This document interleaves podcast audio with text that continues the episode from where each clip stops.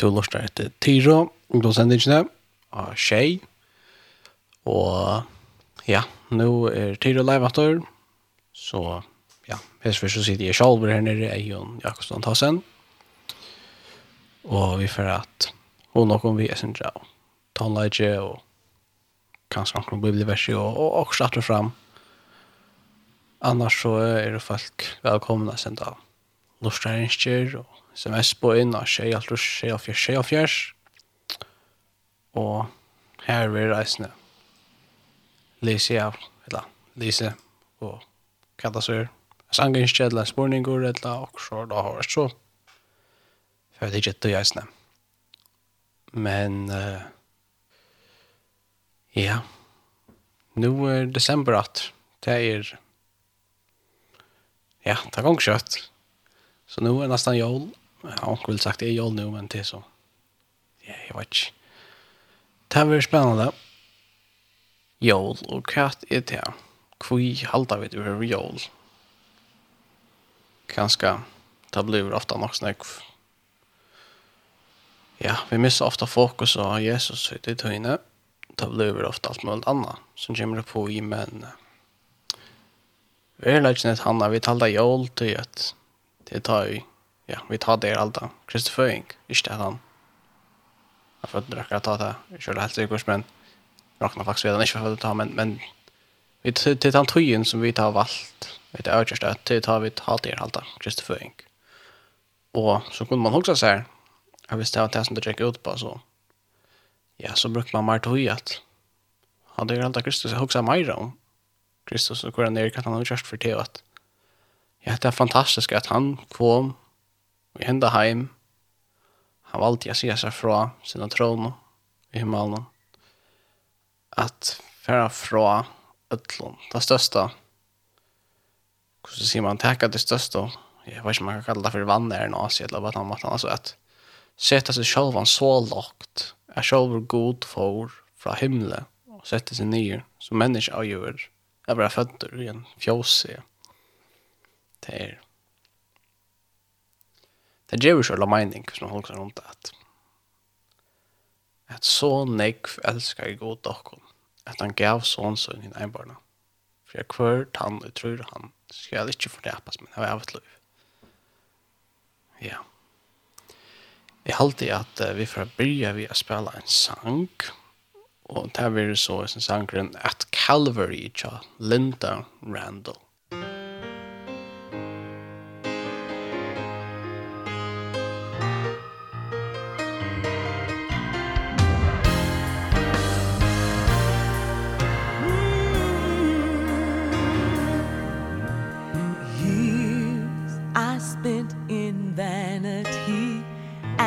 pride Caring not my Lord was crucified Knowing not it was for me. He died on Calvary.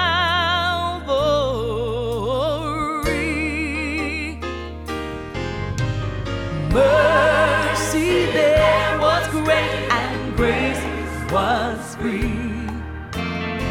found there was more to to me.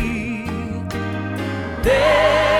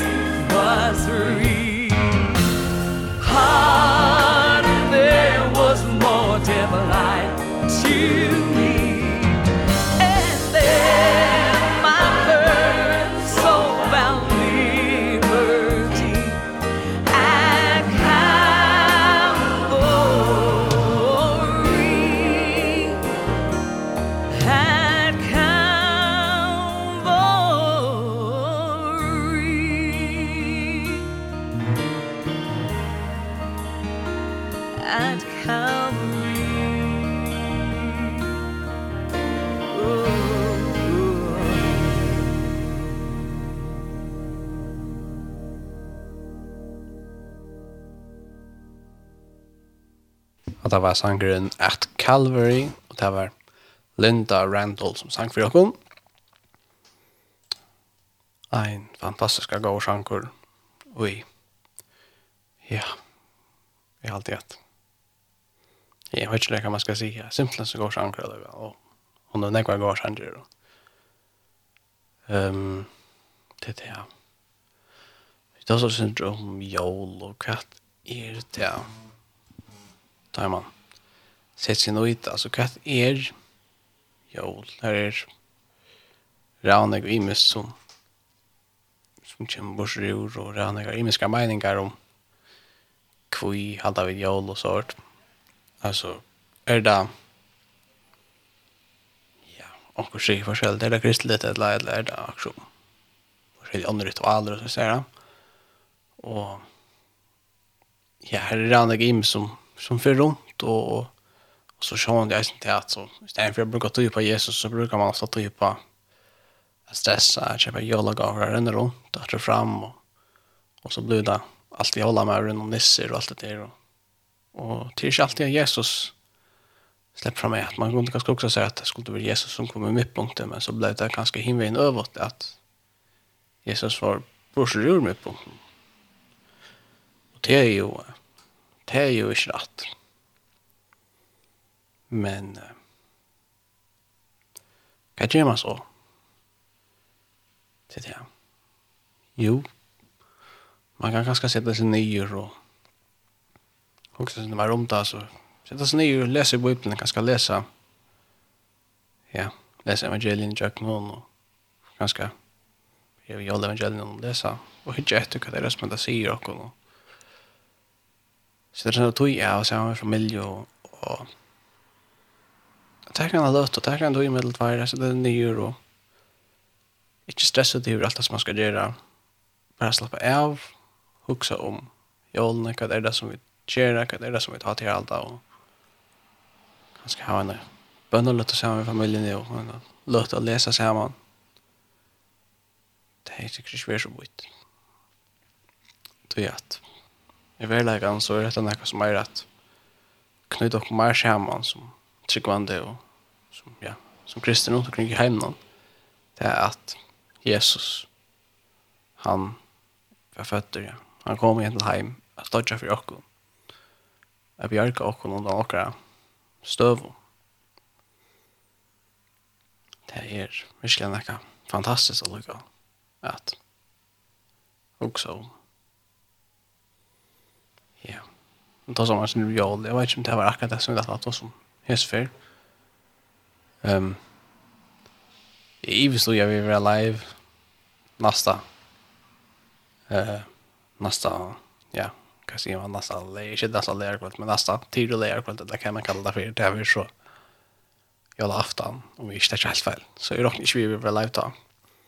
Så det ska vara i alla sändningar som hade varit idé idéer och Men ehm jag vet inte. Nu sitter jag själv här så jag råkar inte vara sådär jag Ja, men jag det ganska många spelare för Jalla Sanchez. Det här det här Men eh till det ja. Jag också för man läser så ganska för läsa sin tur och och det är inte ett år. Ja, man kunde ganska läsa. Sen det Lukas men jag också är inte rätt ner som vi har rent att det några för men men uh,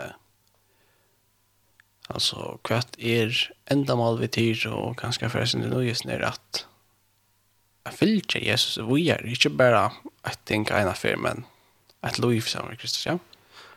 Jag alltid att uh, om vi för ordentlig hållt så för att spela en sang att rätt. Och så får vi ganska bra. Prata sin mer. Så vi får spela sangen The Lord is my shepherd, Keith Green.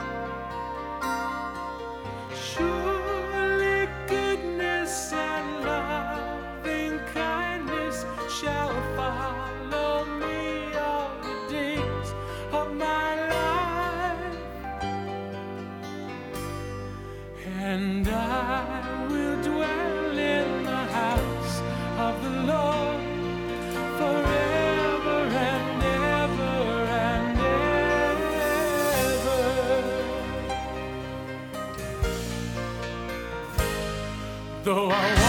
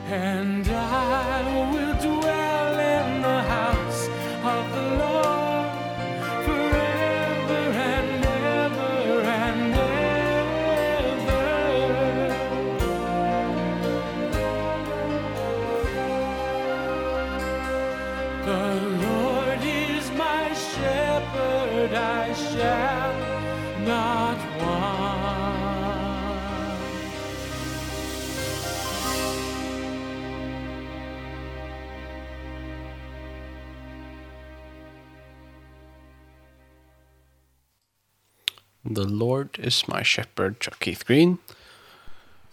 Um, ja. Herren er her, må jeg fatta stånd. Det er det. Det som vi har bruk for, det er alt. Kristus, vi tar større andre knur, men det er ofte reallig at tro på ikke åkken. Jeg sørger at det Um, ofte har vi lagt vi bare at gjør åkken rekna og vi vet att at utan Kristus så är vi ikke, men alligevel så så lever vi bara och räkna liv och som vi själva önskar. Det är ikke alltid så lätt. Det er det ikke.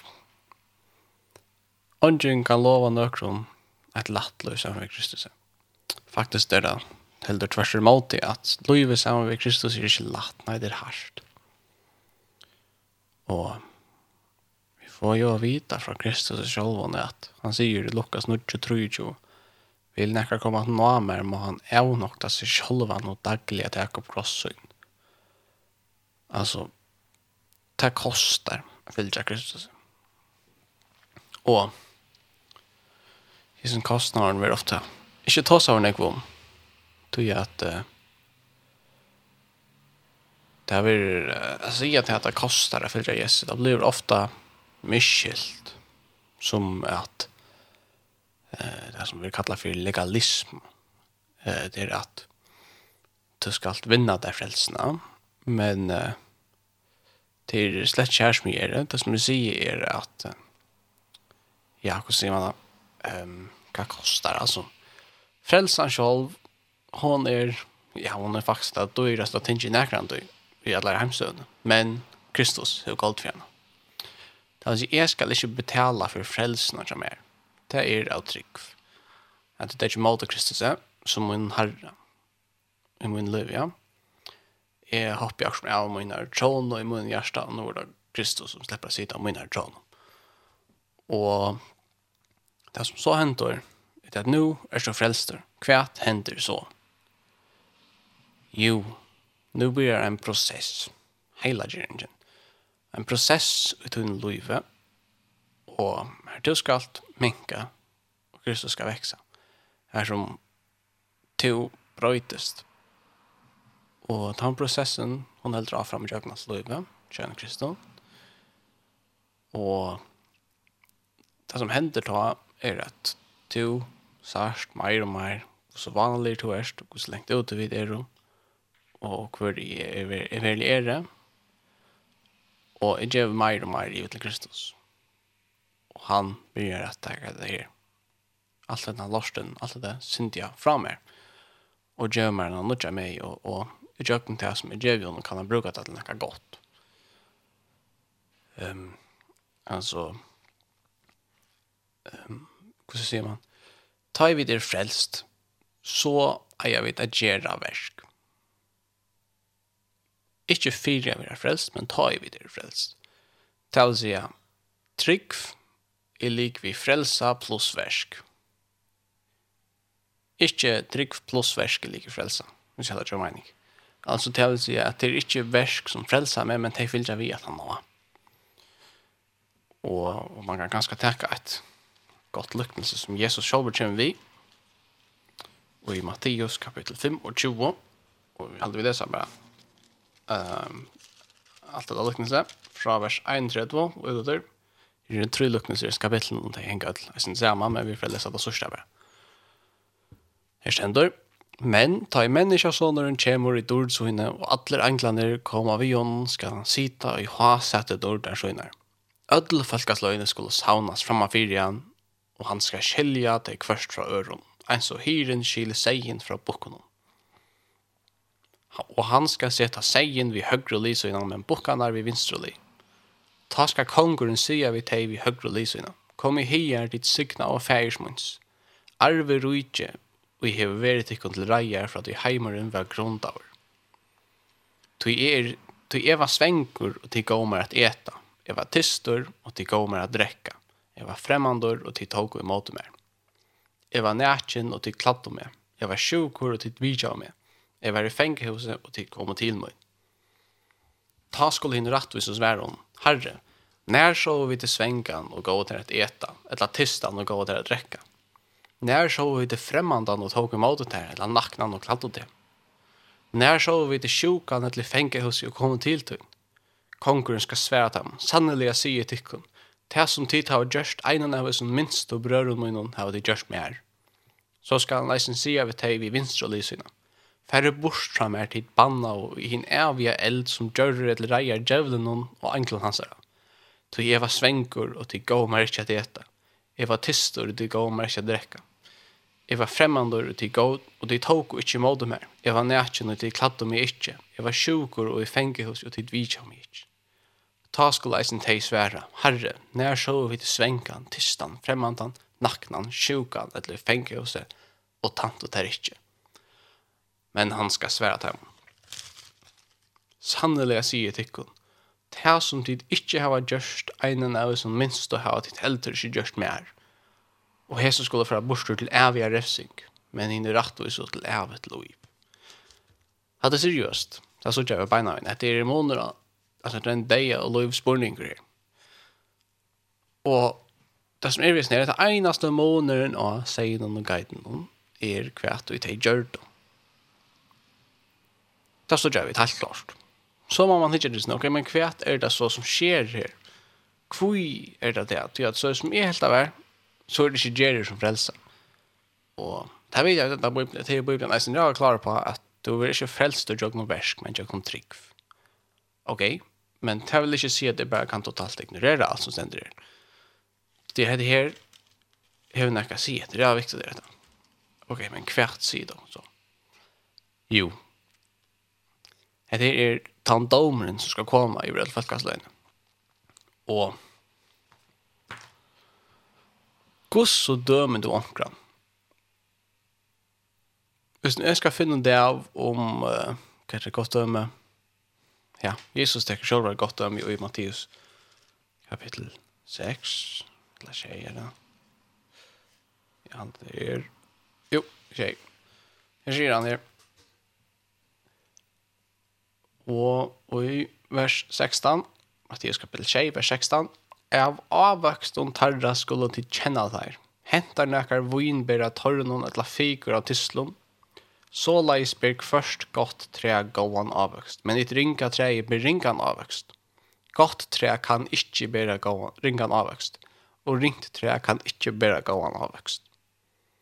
Kvørst tre som ikkje blir gåan avvøkst er høgt nyer og kastar i elden tui skulle de kjenne dere av avvøksen tarra. Treje. Det kan du dømme med at treje er tre. Kan ikke bare gå en avvøkst, og et godt treje kan ikke bare ringe en avvøkst. Han sier resten, du kan ikke fære til et fik og treje og råkna via og finne tisler. Et eller annet, altså. Altså, du kan ikke fære til, ja. Og så sier han, du kan selv ikke fære til et, uh, uh, vi har så gav, Han sier i vers 16. da. Av avvaksen tarra skulle de kjenne deg. Hentar nekkar vinbær av tornen eller figur av tislene. Du kanst ikke finne Hvis Jeg kan døme Et surepla tre Hvordan varst det er et surepla tre? Hvordan varst det er et surepla tre? Jo, du hikker etter fruktene. Her er det surepla, ja, så er det surepla tre. Ja, men her er det perer, ja, men så var det ikke surepla tre. Ja så du hugte jag angående efter drägen eller efter roten jag tränade. Du hugte jag tusen där bär avväxterna. Och bara så att så kan så sucha om vi tar ett trick. Vi har titta, ger han värsk. Ger sig personen Versk. gå värsk.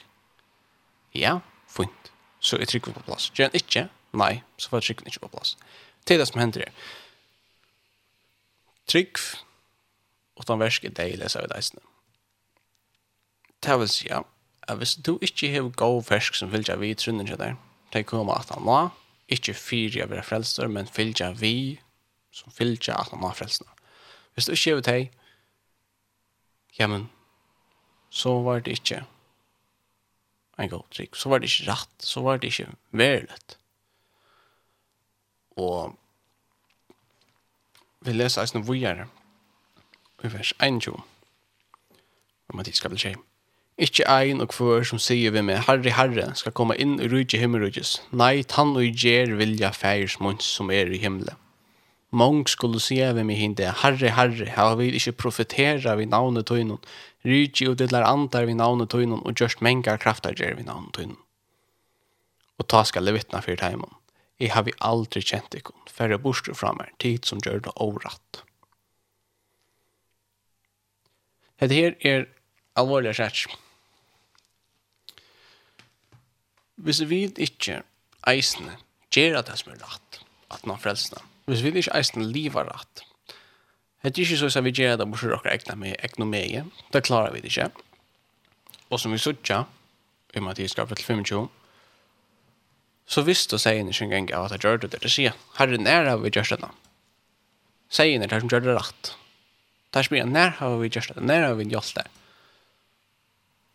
Det er ikke så at, at vi ger att fyra vinner från frälsningen eller fire at att till at, åh, jeg skal gjøre det nå som var jeg. Og på den han nej det er av kærlighet til Kristus. her. Til at jeg elsker Kristus. Jeg tror at jeg elsker Kristus. Ja, så gjør jeg god versk. Og det är alltså kärlek är nöjer och det så där. Ja. Vi må, hvis du verkligen elsker Kristus, att trykva Kristus, att ta emot honom hans under frelse, så måste älska han först. Han älskar jo också och tycker vi elska han atter. Och hvis du ikke älskar Kristus, så gör du ikke rätt åter. Men hvis du älskar han, så gör du det som han sier. Kvart han älskar meg, sier Kristus, han helt på min, sier han. Hvis du älskar Kristus, så helt du på en John. Och det er å leve rett, å leve heilagt, halda okkur fra syndene og vera go jeg hjelpa øren eisen, ja. Og til at han hatt er vil kunne prekva til jeg vil tryggvand og vi kunne eisene meta om om noen andre tryggvand vi er nere det er ikke akkurat oppgave å si at du er tryggvand, du er ikke tryggvand, det er bassar. og det er ikke akkurat oppgave å nøye nekker gjøre nekker Det er ikke akkurat oppgave, det er en oppgave, det er å bo med evangeliet sånn som det er. Men det som jeg sier er at hvis du hikker etter heimen og rundt omkring, så sørger vi til. Altså, til døme så har vi et land der som det er sikkert at ja, fortsatt 50% av land, landen er kristen. Det løy vi mer i hva som tror jeg. Og jeg hadde ikke den eneste som jeg var stødig. Men det som jeg vil si er Hetta manglar. Ta er blivi aksjon, jeg synes det tabu som man slender tås om, at tøma faktisk fylgja Kristus, det kostar fylgja hon. Og jeg husker for at tås er syndrom til her det, det er vi at fylgja Kristus, det kostar. Og da heter sagt at det er vi sånne blikkende sånn at vi må eisen gjøre at det fylgja vi, om du verlig giver Kristus til liv, om du verlig elskar han, om du verlig innskjer fylgjer han, verlig, innast inn i hjertan. Ja, men så teker han seg av det. Så er det ikke så at du vil lette en etter, og, og det er ikke så at at uh, å, du gjør det gale, og så var det omgå til frelster. Det er slett kjær som gjør. Det er slett det som Bibelen sier helt. Bibelen sier ikke at hvis du to gjør det, hvis du synder deg, eller hvis du gjør det et eller annet gale, eller du ikke gjør det også rett, så er bom, helt galt, nå kikker jeg det. Alt av nudgen.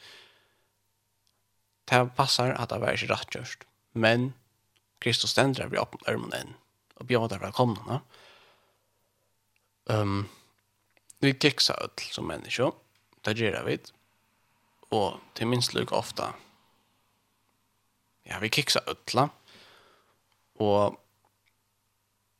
tenk er,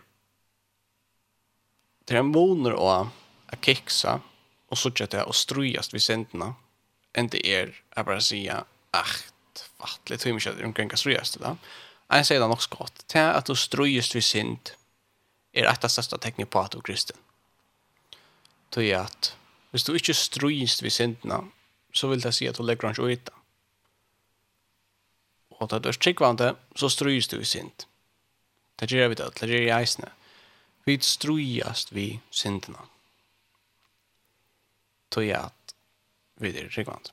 Tog jag att jag vet att det är skarft. Jag vet att jag inte gör det här. Jag är livet för Kristus. Och vi kicks av Jesus tror Det gör vi. Vi vinner inte kvar när jag bara det. Det gör vi inte. Men kvar för vi tappar en bara det. Så är jag vet att resa upp åt. För att Kristus og bli en fyrtjøring, og så börjar vi gjør. Og hatt av David ofta rally etla. Og jeg kjente til det sjálfur, at ofta så gjør man gale, så man gjør så spytt, og rally ofta så er det samme ting om at man også må bli vi er gjøre. Alla som du, man, färg, man, man klarar ikke å fiksa det. Og ofta er det til man røyner vid sin egnu meg, heldre enn vi Kristus. Vi har falla ned av knæ og bia. jeg, og søker han. Men det som er, er at ofta så lägger mest av det i mig själv. Det är ju gala, det är ju spott. Fint. Hva som nu? Jo, i verleggen så skulle jeg fære direkte til Kristus vet du. Fære til Kristus i bøn og sagt, her er jeg, Rannsaka mig. Då sarska det av jag skall för ge og hjelp meg mig att fötter.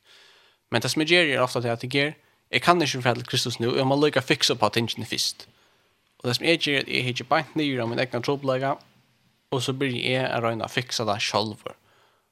I stedet för fredel Kristus. Det är så nog knappt att röjna är vid mina egna mig. Och det enda som hendte tar er at jag blir bare oppe av Det riggar inte vid min egna mig att klara detta. Och at det er en trobladje som ofta ligger i Jakob. Och att det här är realliga farligt där där, ja. Och det som jag vill säga av visen er är att ja, Det kristna liv er ikke bare et ting en affær.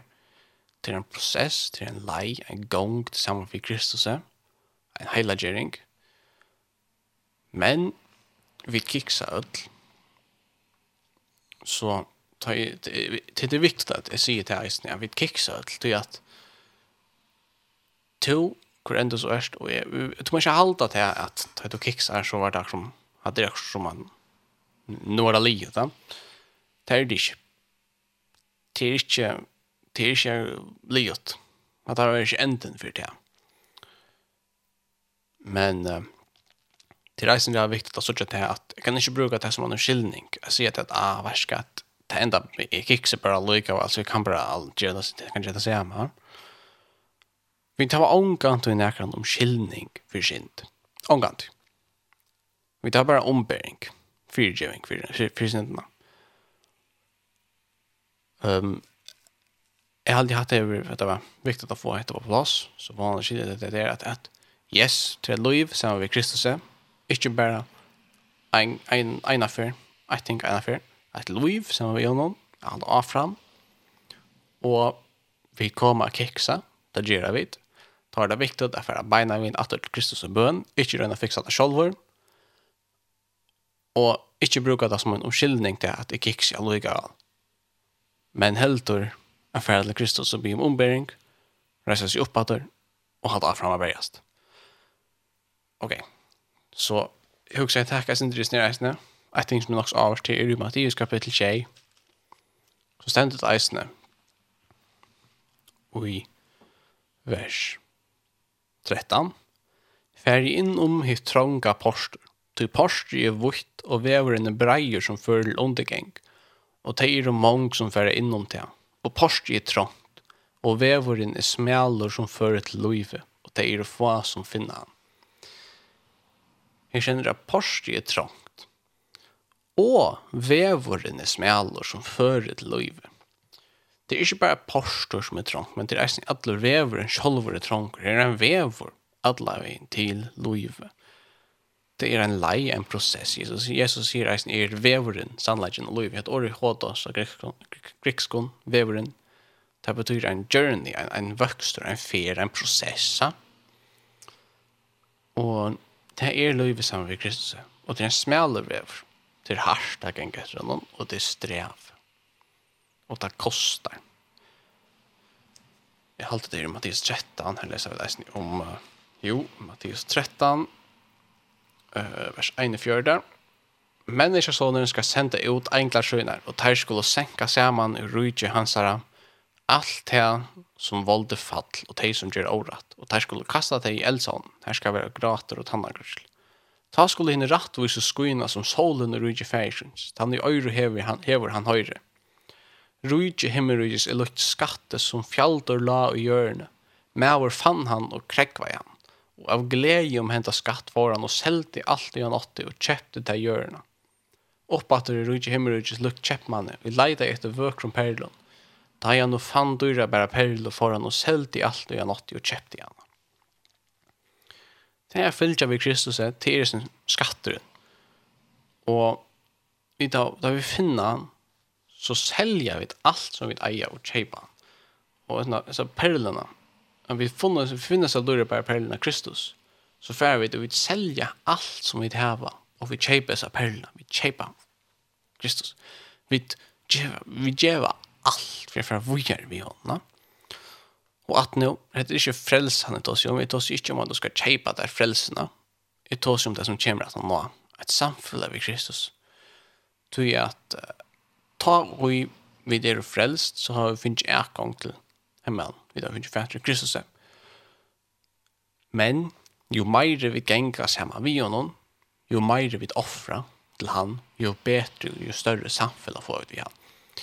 At vi vet at Paulus skriver, nå er det ikke langer jeg som lever, men Kristus som er. Hette er enda malig at jeg skal ikke langer leva, men Kristus skal leva mer. Jeg skal dodge.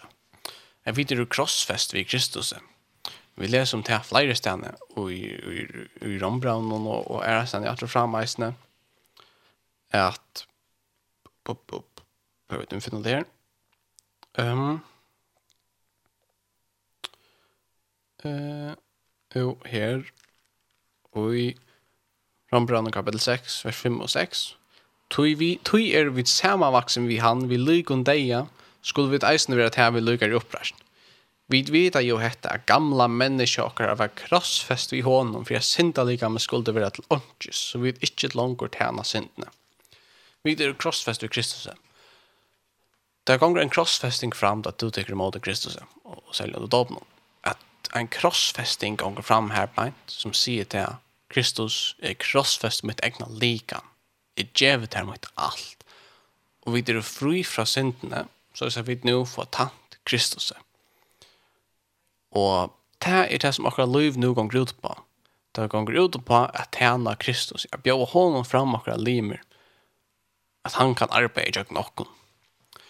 Og hvis jeg sier til hjemme, det har vi en bibel i omkringstene, så får vi med å lese Rombrev kapittel 6, alle kapitlene i jøkken bare.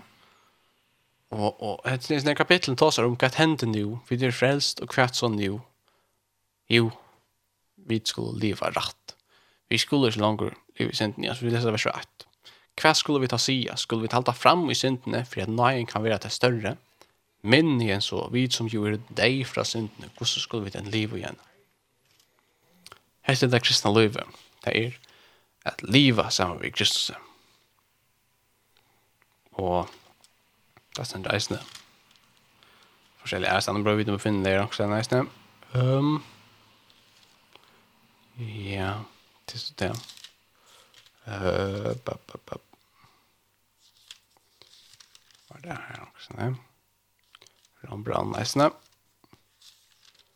Prøver vi å finne det fram også. Hmm.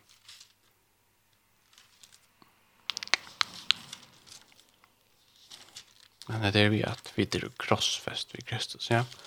At er deir, det er ikke langt jeg som lever, men Kristus er mer. At han, er han, som kräver i min liv. Han är den som bestämmer i min liv. Det är Kristus som är konkur i Brötlund. Ikke jeg. Og dette kostar. Jesus sier seg, så har vi reisen som jeg nevnte før, Janne, Johanna. Lukas 23, vi lærer komme at namer med han, er nok til seg selv og daglig at jeg opp krossøyn. Løyve sammen ved Kristus er ikke latt, til ikke åkjeves, det kostar og at nå, det er ikke om frelsene, men det er om at man har frelsene. Samfunnet, vi er hele gjengen. Hun koster. Og hun er dyr, til at det er ikke langt er som det er, men Kristus er med. Hun koster akkurat liv.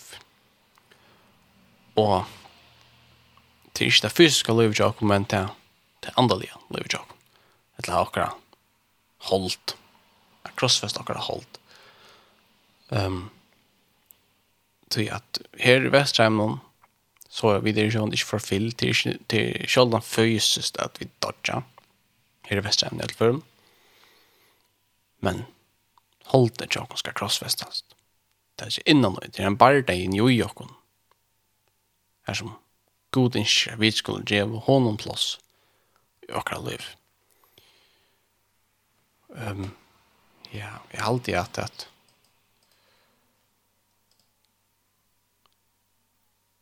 ja, jeg har alltid først med en sang kvistluga. Um, og det her vil jeg en sang om Breathe John Michael W. Smith.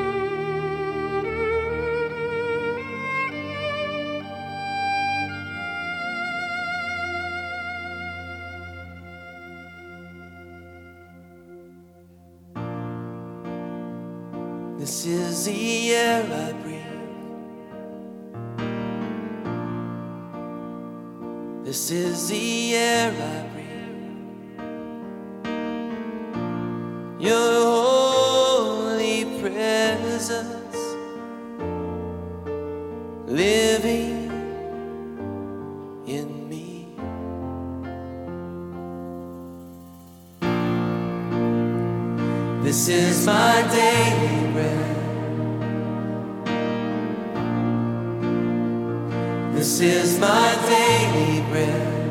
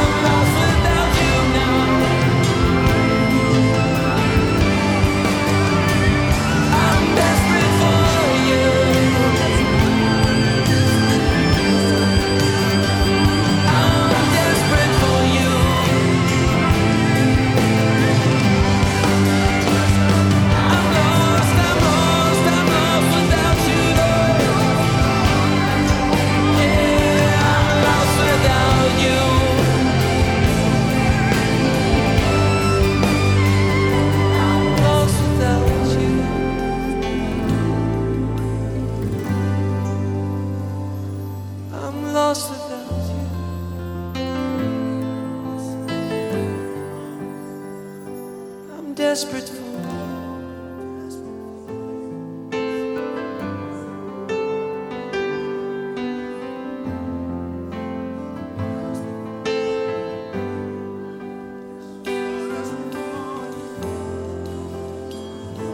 How many of you are hungry for God? Are you hungry for Him?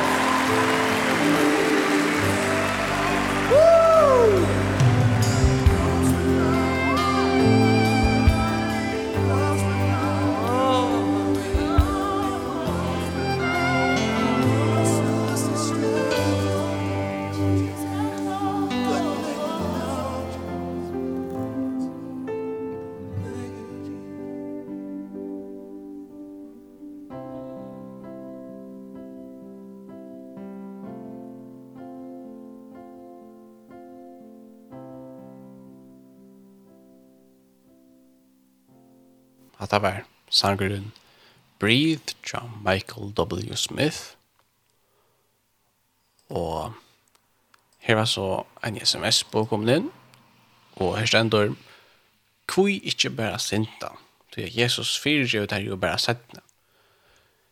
Ja, det er en god spurning i dette, og han vil svære faktisk nekker for når jeg på Bibelen, og jeg halte at uh, Vi går börja vi läsa en sån allvarslig text. Om det är eller eller kanske vi kommer. Hvis vi börjar vi läsa Rombrave kapitel 6. Han förklarar faktiskt akkurat det sin stövn här. Vi kan läsa sin på sjur, jag vet inte, vi läser allt, jag vet inte ordentligt. Men här är Paulus som faktiskt svärar akkurat det sin spårningen. Han säger, Kvært skulle vi ta säga, skulle vi halda fram og i syndene for at nøyen kan være til større. Minni enn så, vi som jo er rundt deg fra syndene, hvordan skulle vi enn liva i henne. Det vil si at, at her sier han, stått og greit, uh, nei, det er ikke det rette svært. Vi, vi, vi kunne ikke være liva i syndene, men uh, vi skulle prøve å finne litt sånne greier svært enn bare nei. Sånn grunnkjøring om kvui, ja. Um, og så stender forskjellig vi er gjør bare og ja, at jeg finner etter. Um, så stendte det og i uh, i tverst hølv. Lærte tog ikke syndene roa i deilige likamen tykkere, så tid loja til i listen til. Sånn er akkurat som heter det videre, krossfest vi i Kristus, at vi er deg, andelig holder tjokkene dett, så er det videre deg fra syndene, fra livet, sammen med Kristus. Så sier han, bjøve heldur ikke syndene fram limer tikkara som vapn avrattvisene. Nei, bjøve gode fram tikkun sjolv som teg fra deion er våren livande, og bjøve gode fram limer tikkara som vapn rattvisene. Tu synd skal ikke roa ivetikkun, tid er jo ikke noe lomen under nøye. Hva ta, skulle vi ta synda, skulle vi synda vi ta at vi er jo ikke under lomen under nøye, minni enn så. Vita tid ikke ta i tid bjaua tikkun fram egnon som tænare, til at akta han så er det tænaren til at tog som tid akta. Vär det något synd til dig eller jag lyssnar til rättvisa men gode vil tøkk at vurst hava tid vil sin vir tænare ja sintene men nu er tid av hjärsta våren til læra at lojen som tid var given altså det vil si at vi er jo anten tænare eller trealer eller hva det man kallar det for tja anten syndene, eller Kristus det er ikke middelen jeg kan ikke være tænare ja baun time Anten tæni i syndene, eller tæni i Kristus. Og hvis jeg tæni i syndene, så dodger jeg. Hvis jeg tæni i Kristus, så er det til lov. Og da vi tenker mot Kristus, tar er vi deg til fire syndene. Vi er deg fra syndene til Kristus.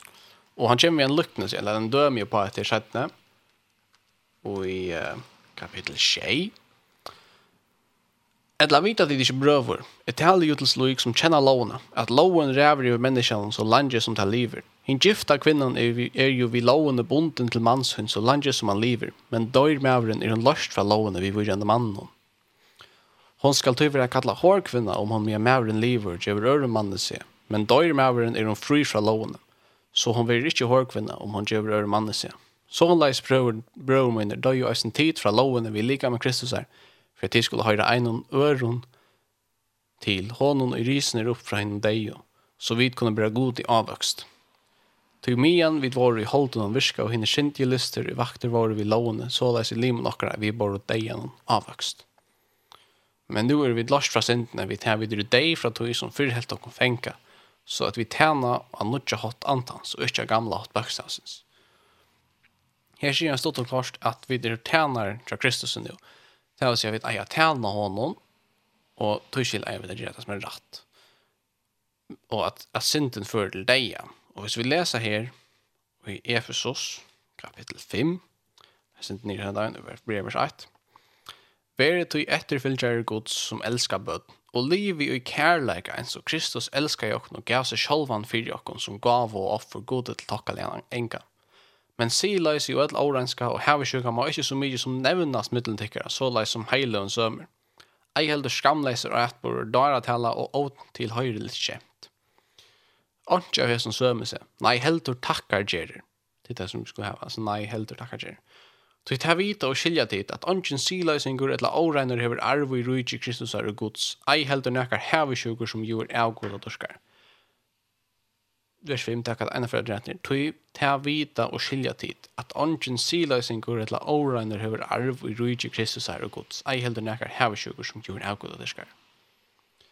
Læt i ongan dara tikkun vi tåman åren, fyrir slukt kjemur reie gods i bøtten olutnesins, hevet tui ongen vi teia gjerra. Tid var jo myskur fyrir, men nu er tid ljós i herran, livet som bøtten ljósins. Avvekster ljósins viser seg jo atlar i gøsk og rattfus i öllum sannlega, Jeg rannsar ikke hva herran han toknast, og hev ikke samfella vi versk myskursins, som omgang avvøks bera, nei revse dei heldur. Tog det som at heimund vil gjørst i London er skam enda at hekk oppa tungna. Men alt som hetta vil oppenbera ta i, men alt hetta vil oppenbera ta i det hever revse av ljósen. Alt som uppenbara ver er i ljós. Tog skriv, sier skriften, vakna tu i svever, og rys opp fra innom deg, så skal Kristus lysa der. Akte tog vel etter gosset ditt liva, ikkje som ovis, men som, som vois. Og kjeipi hina lia lia tog, tog deianer er under. Vere ta ikkje darar, men skilje kvart vilje herrans er. Drekje tikkun ikkje drutjen av vojne, og i tog er spittling. Nei, lete tikkun fytla av andanon. Så de tala kvart til anna vi salmon, lovsongon og andalien vojson, synsje og spela fyrir herranon og hjertet tikkara og takkje gode færen, gode færen for alt i navnet i Herrens og Jesu Krist. Det var ikke lengt, det er bråte, men sier det vers 5 også. Så vi tar vita og skilja til at ongen ånden siløysingur etla åregner hever arv i rujtje Kristus er gods. Ei heldur hever nekkar hevesjugur, som jo er avgod og dyrskar. Det vil si at tar vi vid bare liv i syndene, så har vi et ångan arv rujtje himmelrujtje. Hvis jeg bare livet mot egna liv. Jeg tjener i syndene. Jeg bjør mine limer fram til syndene. Min kropp, jeg gjør alt som synden bare blir med. Så er jeg trealer til syndene. Så er jeg ikke frier. Og det at vera frelst og det er å være frier fra syndene. At vera trealer til Kristus, ikke til syndene langt. Vi tar tvei vel, anten så er vi trealer til syndene som fører til deg, eller vi trälar av Kristus som fører til liv og som Kristus kallar oss för vin och vi kunne kalla god för feir. Och vi kunne få en personlig samfunn av vi. Kristus og god. Och tar vi det frälst, tar vi tänker på honom, så är det jo en växtra och vi eja är för halvtvis av prosessen som kallas för heilagjering. Och som vi eisen låser for i Mattius kapitel 25, vi säger noen og guiden noen, så såg vi att han enaste månen av den bauen, det som gjør det månen i mittelen deg og liv, det var kvart det gjør det. Gjør det rett eller gjør det skreft. Guidene gjør det skreft, og det er døy. jo. Seien Seiene gjør det rett, og det er liv. Det vil si, gjør det her var nekva sida. Tog at om jeg bare livet som jeg gjør det i åren, jeg ble frelstår, jeg lever bare mitt egna liv, så sier den nok om meg så sier det at frukten som treier som er ber, er ikke god. Det vil si at treier som er heldre skott. Det vil si at tryggven som er ikke på plass. Det vil si at jeg har faktisk ikke vært å jeg mitt til Kristus. Hvis jeg ikke eisende brøytest. Det vil si at jo, det er jævlig stor antydning, ikke bare synda til at Jesus fyrtjøver og bare sett ned lukka, vel? At det er til en verre en holdning som vi suttjer rann enn av. vel? eisen rundt omkring og i samkommende til hele enda. Men hatt er en lign, at det passer ikke. Og allugavel, man skal være verden ikke si for nekv nå, men det som jeg har sagt er det passer, at det er skreft, og, og, og vi kunne ikke bare liv av fram i sintene til så er vi træler til sintene, og så tar, og tar for leia. Vi får vite at ånden som lever i siløse, etter vi sintene, ja, arvar og ikke gods. Men det måner av at liv i syndene og bare gjøre som jeg vil leve mitt egna liv og at strøyes i syndene. Det er, hvis jeg bare sier varska til lukka mykje, ledd kjørle velje uita, så viser det til at jeg elsker ikke Kristus. Hvis jeg bare sinte og, og gjør bare mitt egna ting, så elsker jeg ikke velje Kristus. Til hvis jeg elsker han, så gjør jeg som han sier. Men ta jeg elsker han, ta jeg er sikkvante, så kiksar vi eisen lukka va. Det er så vi kommer stadig vi synta. Men det som er det vi tar omgang til nekker ombering for synta. Jeg kan omgång till säga Åh, ja, tvattl, det är jordan, det gjør det bare lukka va. Så jeg kanskje vil gjøre vitt og jag och Kristus fyrtja bara lukka va. Hatt er en omkyllningur. Hatt er ikke rett, det passar ikke. Vi tar omgang til nekker omkyllning. Men vi tar fyrtjäving. Det er altså, ta i vi gira gälda. Så ikke huxa at det var det här når det utvimmar. Leot. Det här är det inte. Det til at det passer vi gjør alt galt, men at det ikke er noen skyldninger. At han også til færdig Kristus og bli en fyrtjeving. Det er ikke gjerst og galt, det gjør vi dødl. Færdig knø til Kristus og bli en fyrtjeving. Og om om du ganske hokser at det er kvipp, bør ikke bare gjøre alt allukka av så færdig til Kristus, be han om fyrtjeving, be han om en endernudjan av synden og hjertan, å få nytt fokus av han, og at ja, att att att sådja det att det är en sannlighet att det är ju väldigt alltså det är ju väldigt att låt oss man det är ju väldigt att bara leva mina synd. Men heldur att bodja mig nu för till Kristus. Och så leva rätt i sin fyra handa. Det är det älskar. Och det är ju som vi får veta eh att att tjona bandet mellan man och kona blir sammanlykt vi samfället med mig och Kristus samkomne Kristus. Og det vil si at hver affær du velur bare at færre ut og synda og gjøre hva den du vil. Så gjørs du faktisk velleggende vedleggende det at du finner der en annan kjærk eller en damo. Men da du tenker mot Kristus, så er du gift over Kristus, ja? Men så hever du akkurat flere kjærkere og treet rundt omkring at de må lære seg henne och ta särskilt upp ena vägen. Hvis man, hvis man lyssnar på tammat, så ser man beina ena vägen att det inte är sånt samfällt, att det inte är sånt förhåll som jag vid Kristus ta. Och för inte bara täcka Bibel så kan jag inte täcka ett konkret fysiskt döme. Det att livet i synden är inte gott helt. Det hjälper oss inte. Och, och vi tror att det är att vi ströjas vid synderna. Det är gott. Vi ströjas vid synderna det att vi skulle ströjas vid synderna. Vi skulle bära oss emot det. Ja? Men, um, ja, hur ser man? Uh, på nu. nå. Steger jeg sin dropp i høyden kommer. Men uh, hvis vi tar ett mer konkret döme. Ehm um, altså fysiskt eller et eller annet, man sier, inte inte beinleis bibelt, men det er at synda hever avleggingar. Eisen er her og nu. Ikke bare antall jeg og jeg i evne, men eisen er beint her og beint nu. Mm tog jag att om jag bara lever mitt egna liv och bara gör det som jag vill så får jag så färdigt längre. Hvis nu är för ut och jag eh jag kvar kom bland just eh hvis nu är jag haft en kon och inte träffas mot kon. Så har vi det längre. Inte bara andalet att det dodge andalet. Men isen här och nu. Det kan lägga allt det samfunnet som jag har vid konen men det kan lägga nekv, nekv, nekv mer sint. Hon är lägger, hon ger bara akting och det är lägga. Hon drever åken in, hon lumpar åken og så är lägger hon allt akkurat liv. Och det är eisne, ser andan. Heilig anden blir skärter av det jag vet synda Att det är eisne är ting som vi är också. Nej, kom, det vi gör galt. Så vi må inte ha för lala uh, och känna på synderna. Det är att fører för deg. dig.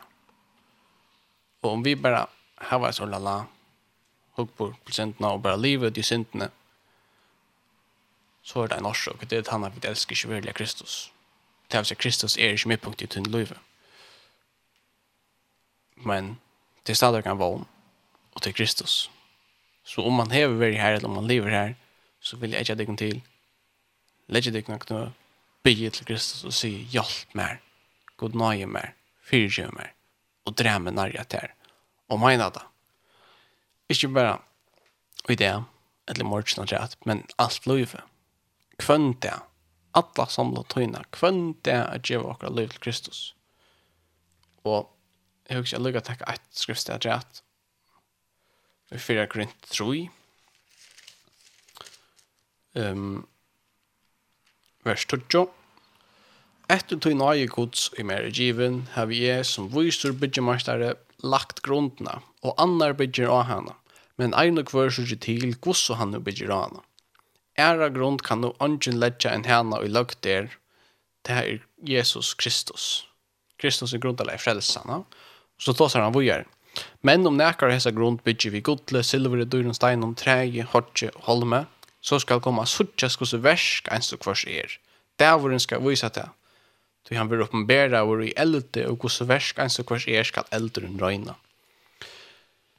Vi gjør versk og gjøgn alt okra loiv. Hvis vi gjør rødt versk, så bygger vi hit vi godle silver i døren steinon. Hvis vi gjør ringversk, så bygger vi det tre i hodgeholme, altså sint. Så det er tre hodgeholmer, og vi gjør rett, så er det godle silver i døren steinar. Og dette kommer om man har grundar lei som er frelsen Kristus, det er ikke vi er at han har att hända som nu lever vid rätt eller leve vid skarft. Og så stendte det, i vers 1. Verur verste i ein hever bygd av grunderna standande skal han få løn. Men verur versk eins kvars brent upp skal han missa hana. Sjalvor skal han ta vera frelster, men som gjøg noen eld. Ok, hatt her er alvorlig til dette. Og her stendur, særlig til, ver verske, ja, men ver versk eins kvars brent opp, altså jeg har du bygd vi tre hodgeholme, er det bare synd, er det bare mine versk, ja, så skal han missa, han skal missa lønene, ongen løn, sjolvor skal han ta over av frelstor, men som tjøkken eld. Ok, hadde det alvorlig kjærk. Hatta kan man ikke bare tveita så ser så inne bare så sånt han kan hokso. Sint hever avlengar, ikke bare her og nå, men eisen inn i avlengar. Det er som jeg bare liv i sintene, så får jeg konsekvenser. Jeg får jeg avlengar. Eggvisler avlengar. Eisene ut i avia. Kjalt om Kristus fyrir djøv der. Så først og avlengar at. Men, ja, yeah Og her stend så han skal ta over, skal han ta over frälst då. Ja? Det er å si här säger han tar vara säkra spåren och frelsen er som förnåt. Men kvar är marsche. Jeg kan inte säga någon kan marscha och gussen dig så gusse. Du jag akkurat som är du verkligen frälstor og du just gale, og du ångar du til dem så det er også ganske særlig om ett är vi att tjäna Luigi er ferdig ut og vittne over et ljus for Kristus. Ja? Og, og ikke gjøre det. Ja, men så måste det löna. Ja?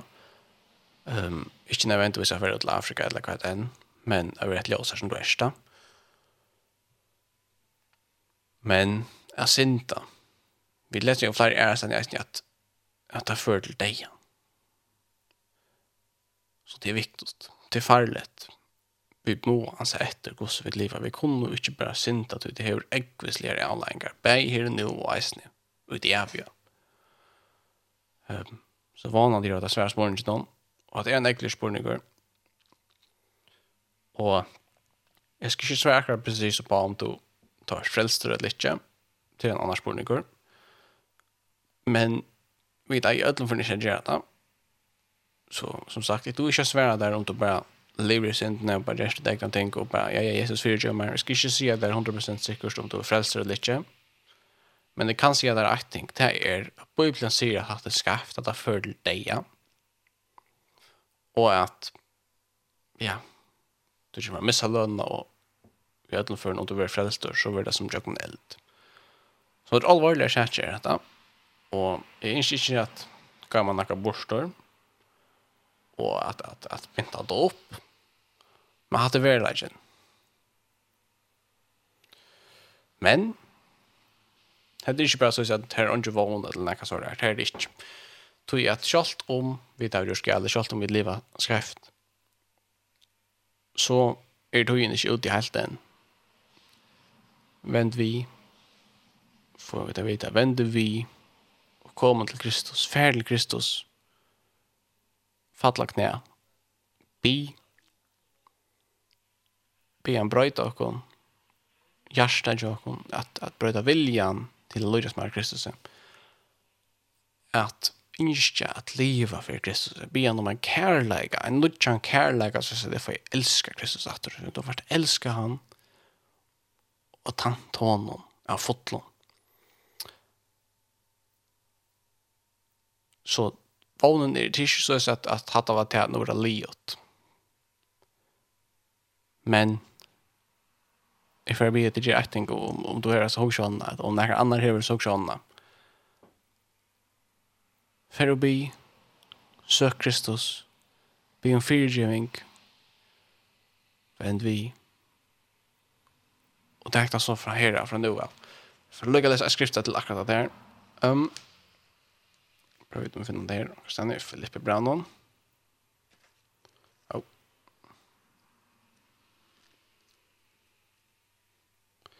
Prøv ut om å finne det her. Ja. Yeah. Filippe brevet 3.14. Men eit gjerri er, jeg gløy med til som atanfyr fyrir er, ratte meg etter tog som framanfyr fyrir er, og stevne mot og malen til syerslønna som god av hatten hev kattlakken til i Kristi Jesus. Læt i okkom ta så mange som folk kom ned og heva hetta sinnalega, og er okkurst som de tog seg ørvise om skal god oppenbæra til kong vi. Best at vi så lengt som vi dere kommet genga som og lei. Så halt av fram. Vent vi, glöm det som är fri attan. Reis dig upp. Allt av fram av bergast. Och sök Kristus. Bäst att vi så längt som vi där kommer gänga som lei. Filippe brev 3, 16 var detta. Vånande. er har svære sporen i stund.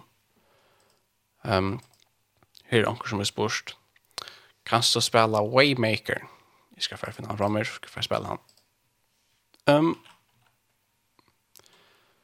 ja, det er alvorlige saker. Vi må ans etter hvordan vi lever, vi eier livet rett. Uh, I råkner vi til Danja Leland, så vi får spela han Waymaker, tja, Leland.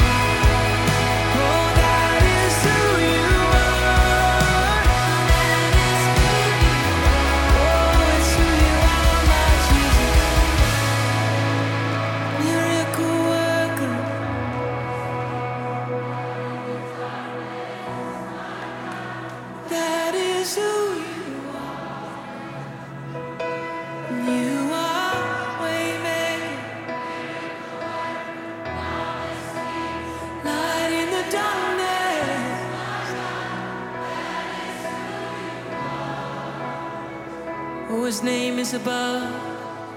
His name is above depression. His name is above loneliness. Oh, His name is above disease. His name is above cancer. His name is above every other name. He says That is who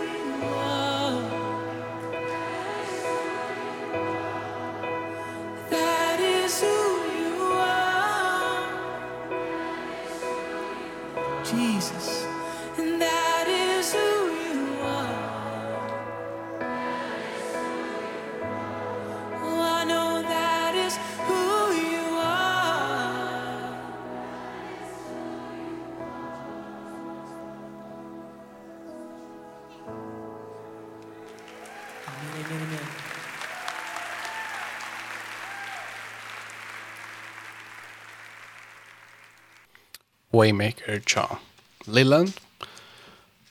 Um, for å lese i Jakobs braunen, kapittel 4 og vers 4. Her stender Tid og Vita tid ikkje at vinskaper vi heimen er fudgenskaper mot det gode. Tann og vil være viner heimsens fyrir til fudgende gods. Ja.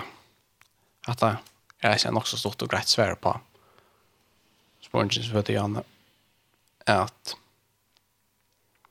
vinskaper vi heimen i fudgenskaper mot det gode. Det er bare liv i syndene er bare gjør det som er skreft alle som tøyne. Det er ser dere noen fudgenskaper mot det gode, det er en oppresjon mot det gode. Og en annen foreldre, litt er etter at det måner av at vi vinskaper vi heimen, og til måneder vinskap vi heimen, og at strøyast vi sintene. Så vi låser jo Rambrand kapittel 6, nei 6 i Janne, og her sier han at vi eier lever rett, og langt og i, og i vers, nei kapittel 6, så da som man vet vi sintna, vi strøyast vi sintna. Um, um, you know, i kapittel 6 om brannon, og så vers 14, utan. Vi vidar jo at loven er andalig, men jeg er i holdborn, selter under syndene. Så jeg vet ikke hva jeg gjør. Jeg gjør jo ikke det som jeg vil, nei, det som jeg hater gjør jeg. Gjør jeg noe det som jeg ikke vil, gjør jeg jo loven at han vittnesbord at hun er god. Så er det nå ikke langer jeg som gjør det, men synden som jeg mer bor. Så jeg vet at jeg mer holder meg noen bor ikke godt, Viljan hevi er, men at gjerra hitt gaua er jeg ikkje mentor. Hitt gaua som jeg vil, gjer jeg ikkje, men hitt ytla som jeg ikkje vil, gjer jeg. Gjer jeg noe det som jeg ikkje vil, så er det ikke langer jeg som gjer det, men synden som jeg mer bor. Så finner jeg noe til lov til meg, jeg som vil gjer hitt gaua, at hitt ytla er mer tjåstatt. Og vi kunne kanskje lese noe her, men jeg halde vi takk her først. At det er et strøy inni i økken, middelen det gode og det ønta. Det er det ikke Men måneden ligger jo i innskje du viljan hevi, men Jerry går er ikke mentor. Hever du viljan. Innskje du at henne Kristus er. Innskje du at liva rett. Innskje du at fylja honom, at elska han. Eller er det lukka mykje? Det er som hunderen ligger i. Det er ikke eh det at du syndar eller at du slett ikke synder i rör. Det är då kristen det er ikke så at nu synder du slett ikke i rör smart. Det passer ikke. Det er det ikke. Du synder, det gjør vi død. Jeg synder vi det kristen. Men vi ikke, som kristen så er det å troa etter efter att vara rättvis, att leva rätt för Kristus tog at du elskar han. Og det er her som hon ligger til hver er hjertet til deg, hver er viljen til deg. Og gosso, tog at det hender en brøyting, när man eier suttja da fruktene.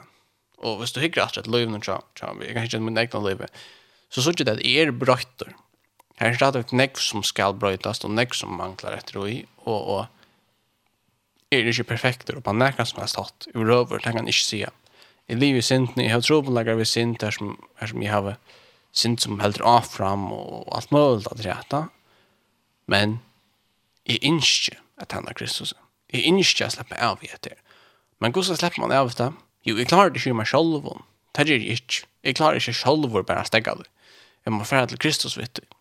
Og bya i bøn, fattla ned og knæ, og bya han tekka det fra meg. Og han gjør meg nøye, Han gjør meg kraft till att sikra av titla. Och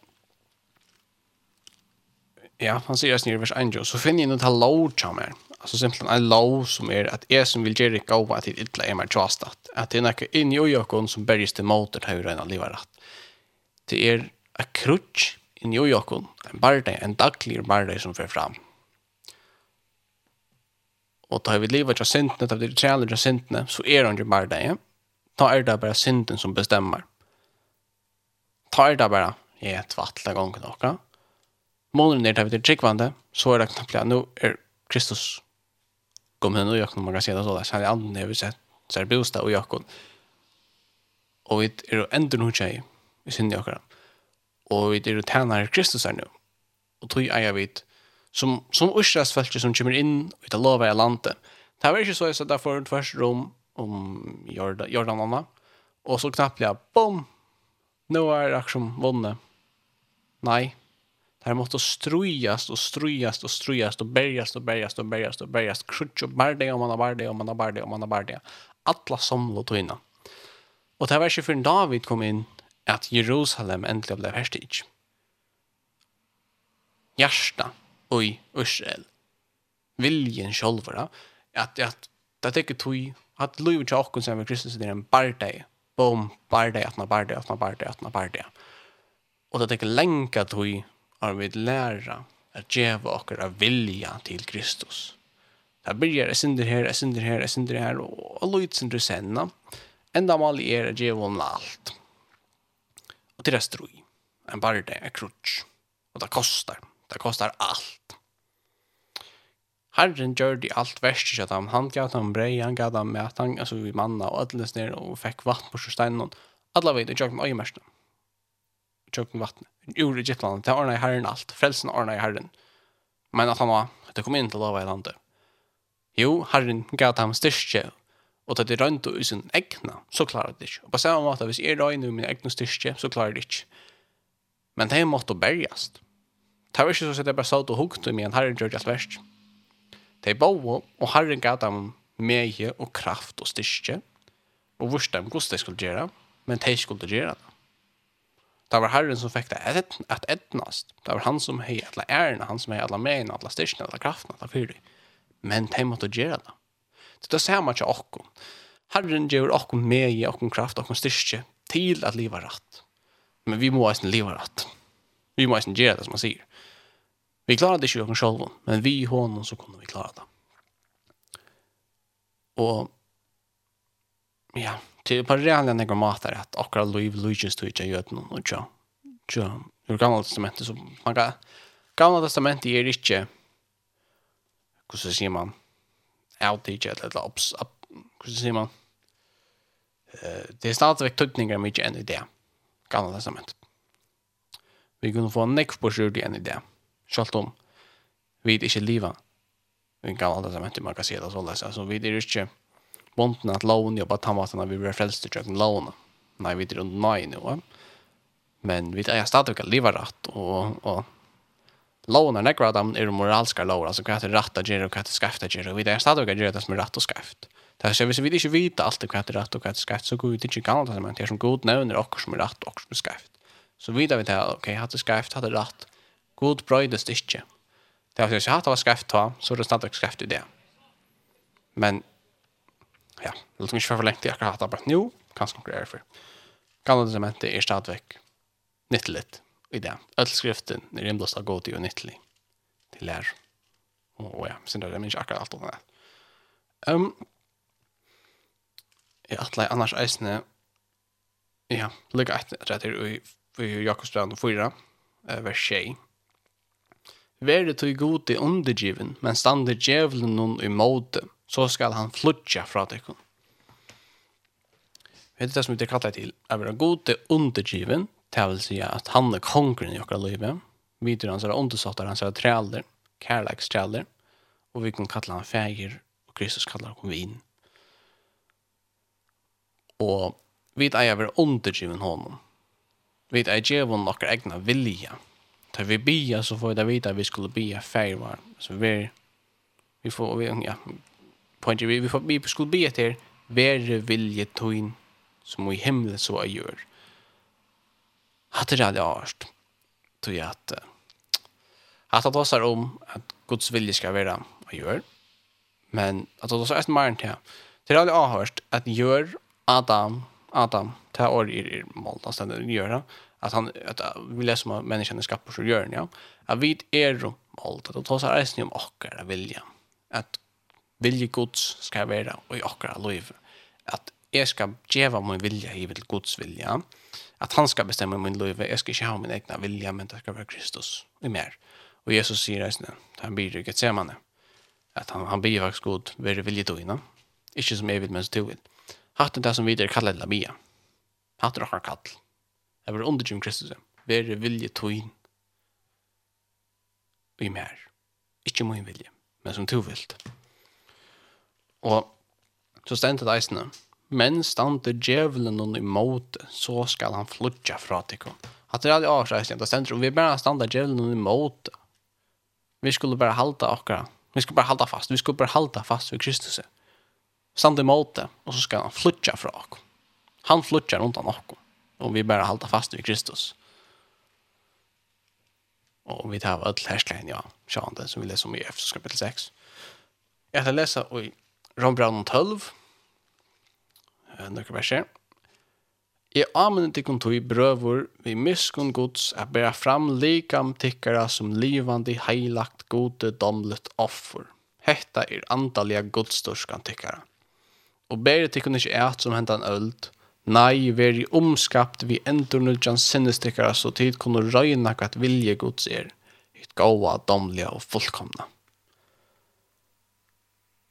Ja, hatt er godt. Vi eier at ber okkar lika, okkar hold fram til god som offer, til okkar offer til Kristus. Vi leser eisen i Salm 1 Her skal vi bli bare oppe.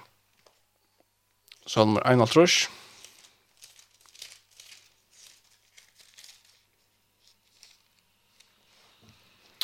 og vers 9. Offer til god er sundurbråten ante. Sundurbrotte sundur såra hjärsta. Vann virre to ikkje god. At det her er det som det krever. At det er offret til god. Det er at okkara ande, okkara sundur knusta loiv, okkara allt som vi har, okkara hjärsta, okkara ande, er det som vi djeva Kristus. Okkara offer til han. Okkara loiv, okkara vilje, okkara ande till det som han kräver från oss. Det är det som det kostar. Och det är ju i verkligheten allt. Men han ger oss så nekv, nekv, nekv mer än vi näkran du kunde ge honom. Vi två nekv mer på sjurdi än vi missar. Och hur ser den han säger det? Han säger det. Han själv hur ser den han kallar sig och tror på den här i Sur Amerika. Han blir dripen. Uh, Glenn John. Men han sier det, ham, hør skal du si han, han er en dare som djever til og han ikke kan vinna til tess, er vinna til og han ikke kan missa. Men ikke om at det var helt året, men som sett seg cirka lese igjen, ja. At vi djeva til som vi ikke kunne vinna, akkurat egna liv, det som vi ikke kunne vinna, djeva vi Kristus, for å få nekka, for å vinna nekka som vi ikke kunne missa, som er Kristus, samfunnet vi han, et evet liv som vi omgående kunne komme missa at. Og, og man huxar kanske, ja men jag vill inte ge honom mitt liv, gjøre noe, jeg vil hava hetter, jeg vil hattar, hatter, vill ha hattar, jag vill ha du som gå på allt utan hetter, ja. Ser ut för Kristus. Men han inte ha allt och egna vilje inkludere. Da du legger det ner om kvällen där. Kan du också ta om? Är det Kristus? Bön? Eller er det ditt egna? ditt egna imperium, man kan kalla det så där, som du sitter och bygger upp tunne tankar, tunne tankaheimer som du själv har byggt, eller själv har byggt upp. Vad är det som du lägger tog av, som du sitter tog av till och kollar när du lägger sånstan, eller tar du ditt egna privat och tar du ditt egna, ja, ta det för dig själv. Vad är det då? Tar det för dig själv. Um, det er alvarsligt.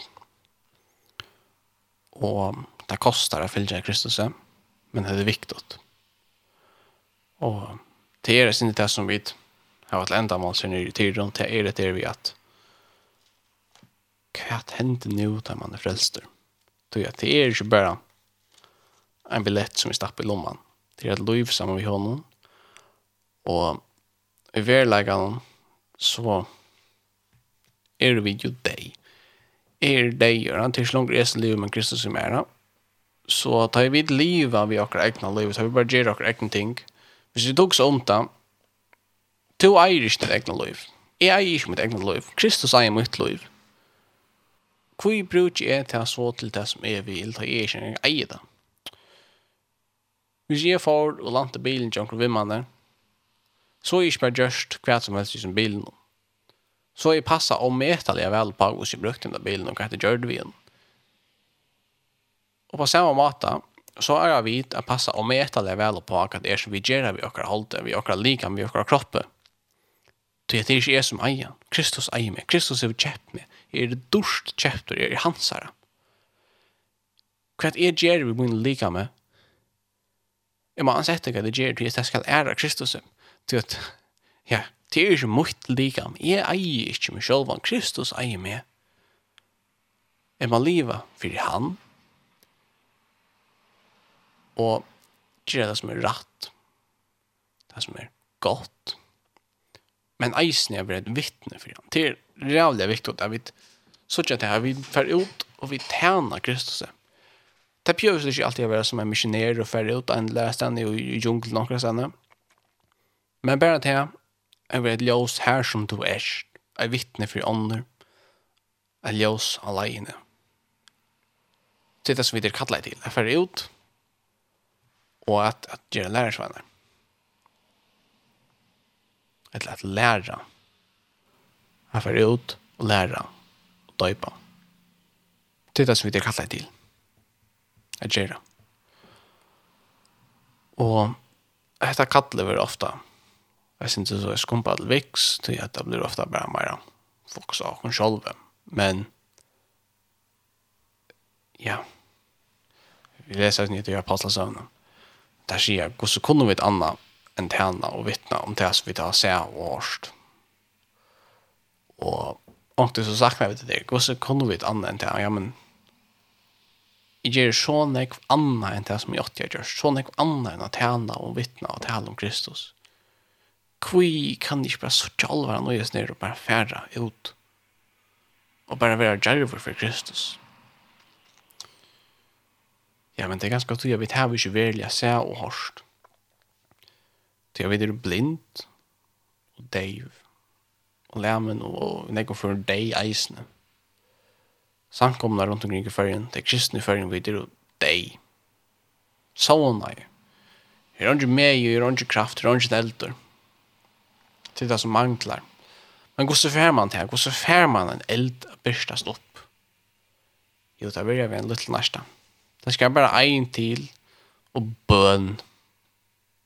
Jeg bia, falla nir og knæ og bia Kristus om fyrirgjøving, om styrke, og meg at halda avfram, og bergast fyrir han, Jeg bia om at han må grua okra tjå, okra land, okra folk at vi må suttje hver han er, vi må høyre hver han er, vi må kjenne han atter.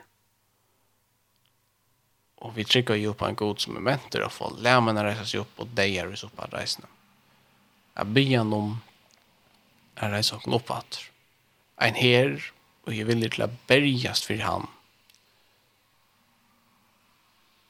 Nøkker tryggvande, og jeg tårer å standa opp at fara allan vegin fyrir Kristus.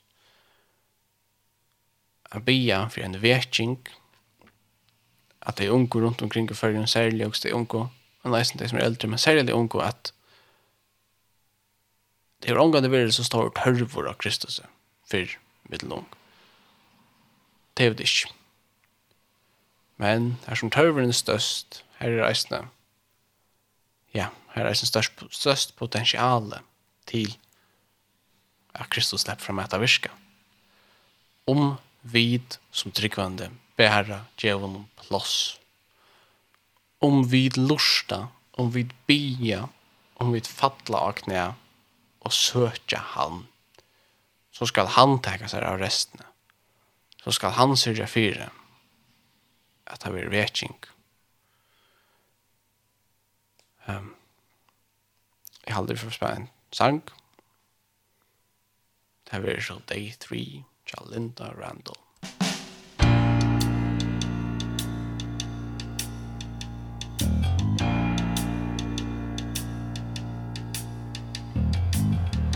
Day one, it had all begun to turn out to be the darkest day.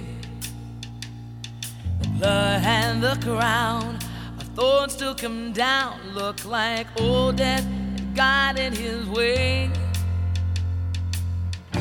We cried when we knew he had died And they carried his body away. The sweat and the tears saved for 33 years Turned the dust on that ground into clay. But I still remember all the words that he said. They moved like a mist history round and round in my head. You tear down this temple I'll rebuild it you'll see. It's all gonna happen to me. Day three. Yeah. Day two and it seemed we were through and we looked for a good place to hide upper room I all of that too where his body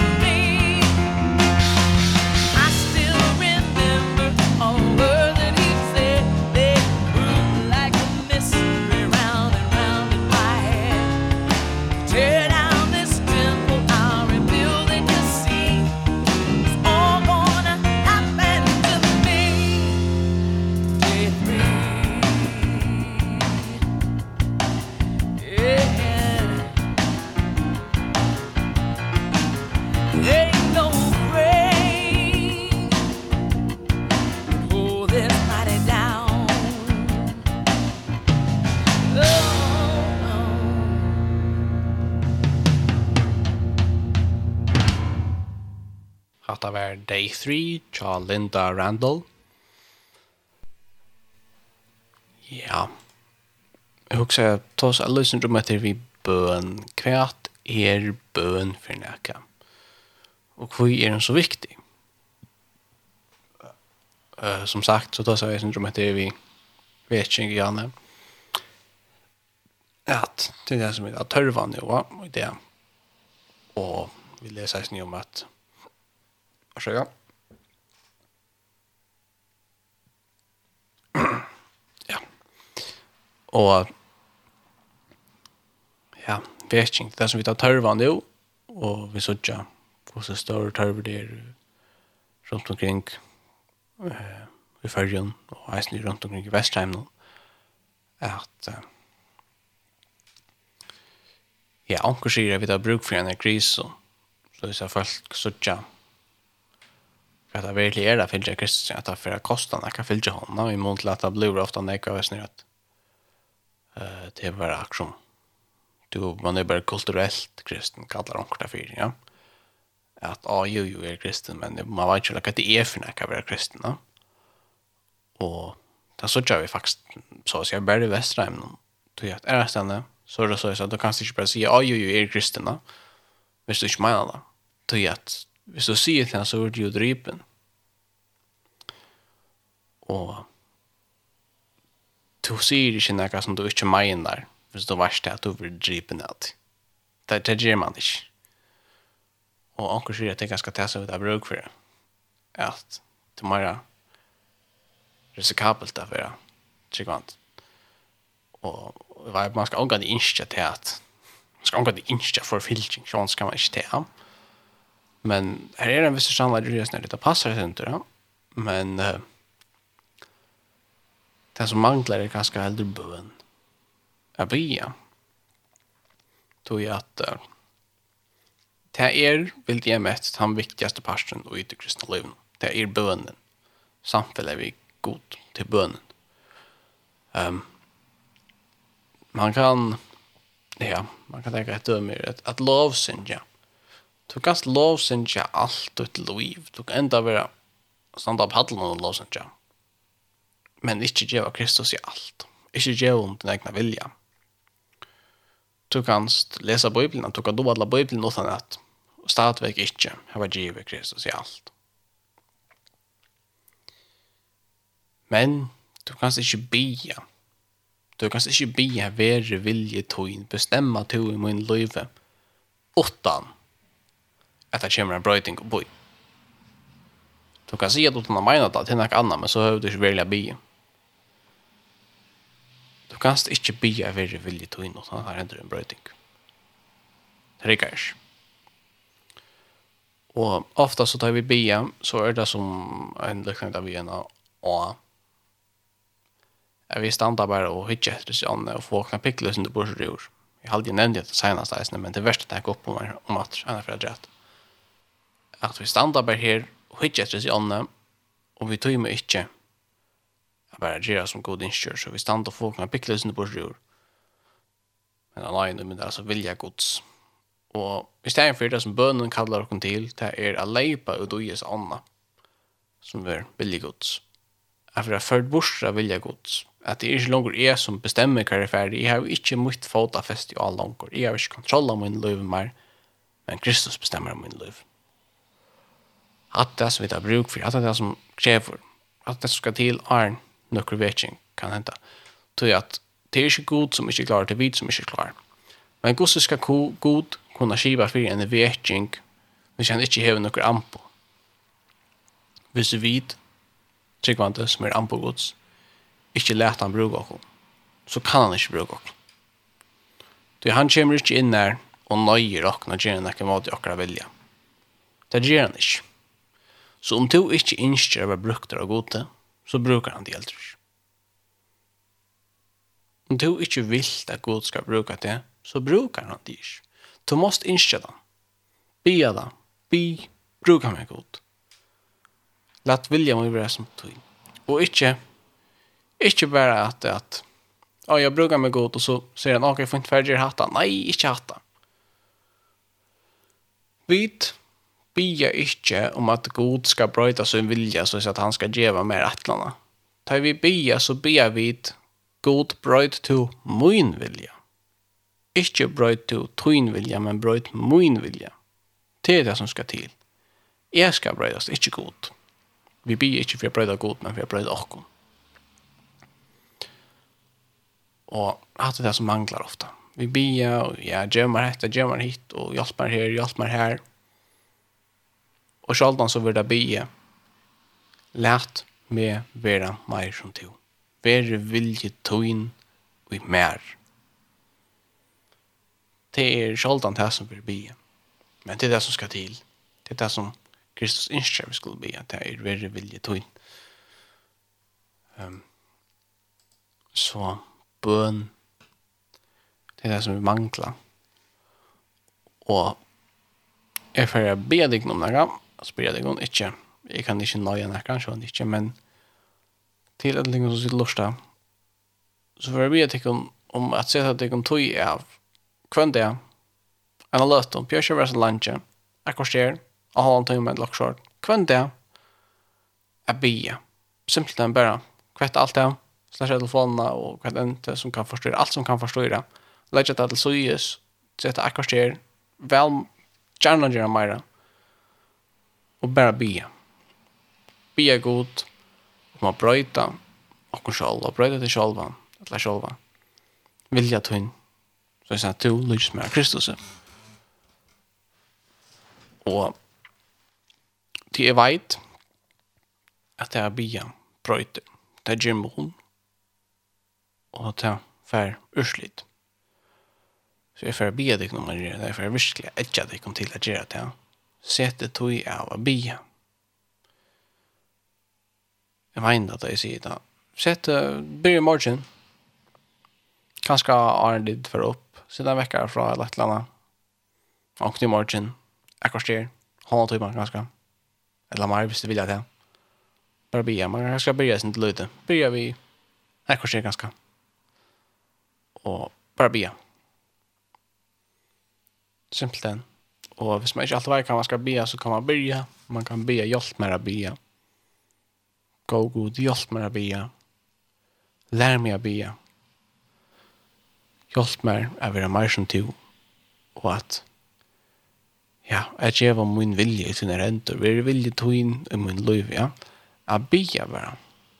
Och om man inte hävnar kan se så bara sitta i fri och hugga som god. Hur han er att han är just for det. Og så kan man eisne sitte og se at tog av å lese eller hva den. Det er så omhetelig viktig der da. Og um, ja, jeg har alltid at ja, jeg får ikke ting til å gjøre det. Sett ting av at jeg var bia. Kvendt jeg. Et eller annet. Nærgere en vikna, det kleint en vikna, langt. En har løtt i alt fall jeg bia. Bi för fyrrjon, för vekking, för tryggvande fölkje, i inte innskja stand upp för Kristus, fyrir dirve og vysdom. Jeg vil ljós för han. Um, vi får så at narskast endan hos verkligen nu för Jesus Jesusfärden. Det har några minuter efter och um, ja, jeg har alltid att Hesfer så heter bara være jeg, Eion Jakobsen-Tasen i kveld, og til å si lort etter Tiro. Uh, jeg halte at vi får lykke at jeg var skatt jeg lover å spille en sang en jolasang i Loksjør så jeg halte vi får spille en sang som heter Vid våre årsøk til Heine Lutzen. Uh, Arne Frenda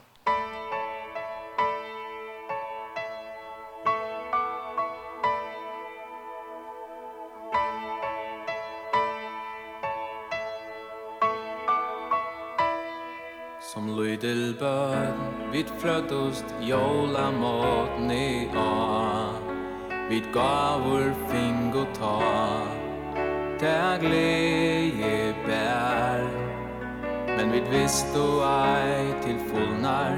Om ta bad nu ta vær før Tu största gavan gevast kan Ta givin vær